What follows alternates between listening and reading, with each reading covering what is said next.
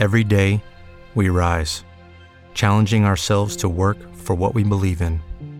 At U.S. Border Patrol, protecting our borders is more than a job, it's a calling. Agents answer the call, working together to keep our country and communities safe. If you're ready for a new mission, join U.S. Border Patrol and go beyond. Learn more at cbp.gov/careers.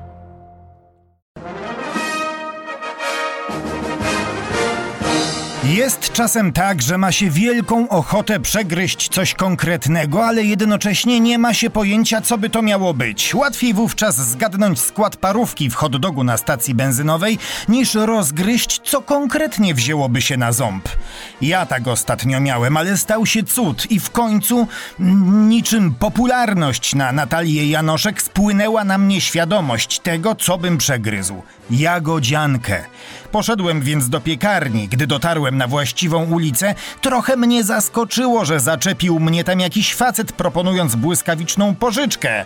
Na procent tak wysoki, że zawstydziłby polską inflację. Przed samą piekarnią stały natomiast dwa lombardy.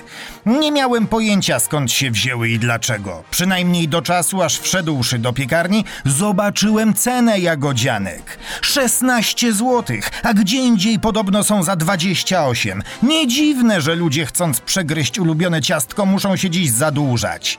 Kupiłem ten szajs, który jak się okazało miał w sobie tyle nadzienia, jakby pojedyncza borówka smarknęła do środka wyłącznie z litości.